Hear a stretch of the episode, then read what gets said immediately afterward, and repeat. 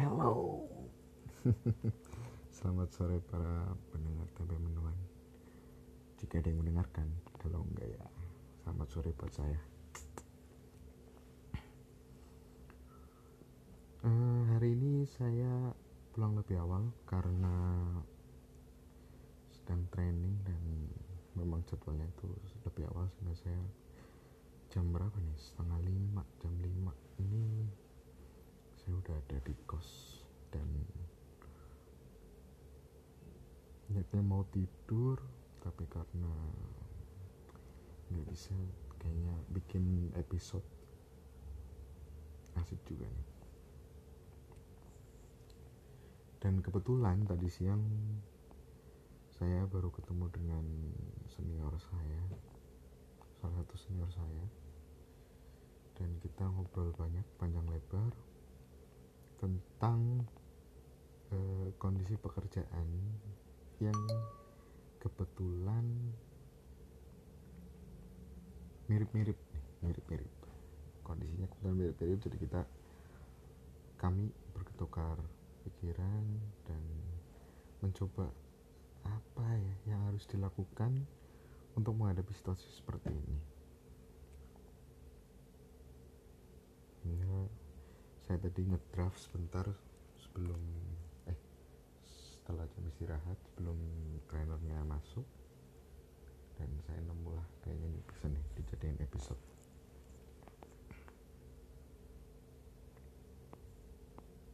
Jadi saya pengen membahas sebenarnya anak mana sih? Kerja di daerah atau kerja di kota besar ya? Bukan di kotanya kota kabupaten tapi di kota yang besar seperti Jakarta misalnya Surabaya. Hmm, Semarang Jogja Solo. Ya pokoknya ibu kota lah kota. Menurut saya sebenarnya saya juga belum pernah kerja di daerah sih tapi ya dari apa yang saya obrolin dengan teman-teman yang beberapa kerja di daerah calon istri saya juga kerja di daerah saya kerja di kota. Jadi saya coba membandingkan lah antara dua hal ini. Yang pertama tentu kerja di kota karena saya kerja di sini. Uh, berapa aspek yang mau saya bahas? Ya yang jelas yang pertama soal pekerjaan itu sendiri atau scope kerjanya itu saya kebetulan di swasta dan itu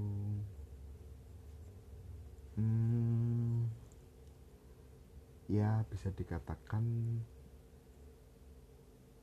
lebih banyak ya. Saya juga nggak tahu sih perbandingannya apa tapi pekerjaannya itu cukup padat sehingga dalam 8 jam itu kita atau orang-orang pada umumnya belum tentu saya ya orang-orang pada umumnya itu eh, sangat istilahnya kayak tidak ada waktu sengah lah di antara 8 jam itu kecuali jam istirahat. Jadi full bekerja itu karena mungkin juga ya tantangan di kota ya kita harus bersaing di level tertinggi sehingga harus diikuti dengan etos kerja yang tinggi juga. Etos kerja yang tinggi. Yang kedua soal lingkungan. Nah ini saya kebetulan dapat cerita dua macam nih dapat cerita dua macam. Yang pertama di kota itu ada lingkungan di mana sangat individualis. Artinya eh, hubungan di pekerjaan itu hanya bersifat profesional saja. Menjalankan peran di, di pekerjaan seperti itu. Tapi secara personal itu sebenarnya tidak dekat masing-masing contoh makan siang masing-masing atau uh, duduk ya sudah duduk sebelahan ya sudah gitu. Nggak nggak ngobrol nggak apa tapi fokus ke pekerjaan masing-masing. Yang ketiga tentu salary ya atau gaji. Dan di kota itu pasti lebih tinggi. Gajinya cukup besar. Hmm. walaupun biaya hidup di kota juga besar tapi menurut saya masih ada sisa uang yang bisa kita tabung kalau bekerja di kota. Dan kota itu menurut saya perusahaan juga saling berebut lah dalam tanda kutip uh, karyawan-karyawan terbaik. Jadi tidak hanya uh, job seeker yang berebut pekerjaan tapi sebenarnya ada juga perusahaan-perusahaan yang berebut pekerja dengan terutama dengan skill yang tinggi atau pengalaman yang sangat luas gitu ya. Dan itu akan membuat harga dari jasa seorang pekerja itu sangat tinggi. Karena saya bertemu dan bekerja sama langsung dengan beberapa orang yang uh, menurut saya tuh ya oke okay lah gitu. Maksudnya ya kita bisa lah diskusi gitu, di level mereka tapi dengan experience mereka yang luar biasa dengan skill ya skill ya skill itu mereka bisa dapat gaji yang sangat tinggi menurut saya. Dan kita langsung coba membandingkan dengan di daerah. Di daerah itu ada yang bilang ke saya ya saya juga belum pernah sih uh, skop pekerjaannya itu bukannya banyak tapi maksudnya seperti ini. Jadi satu orang tuh bisa uh, menguasai 2 sampai 3 topik pekerjaan. Kalau di kota tadi oh ya belum saya bahas. Kalau di kota tadi itu lebih spesifik jadi satu orang ya udah kayak kamu pegang ini aja nih satu. Nah udah tuh. Jadilah master di situ. Kalau di daerah itu ada juga yang spesifik terutama perusahaan-perusahaan yang memang berbasis di kota ya terus buka cabang di daerah memang spesifik. Tapi kalau perusahaan yang berbasis di daerah dimulai di daerah itu biasanya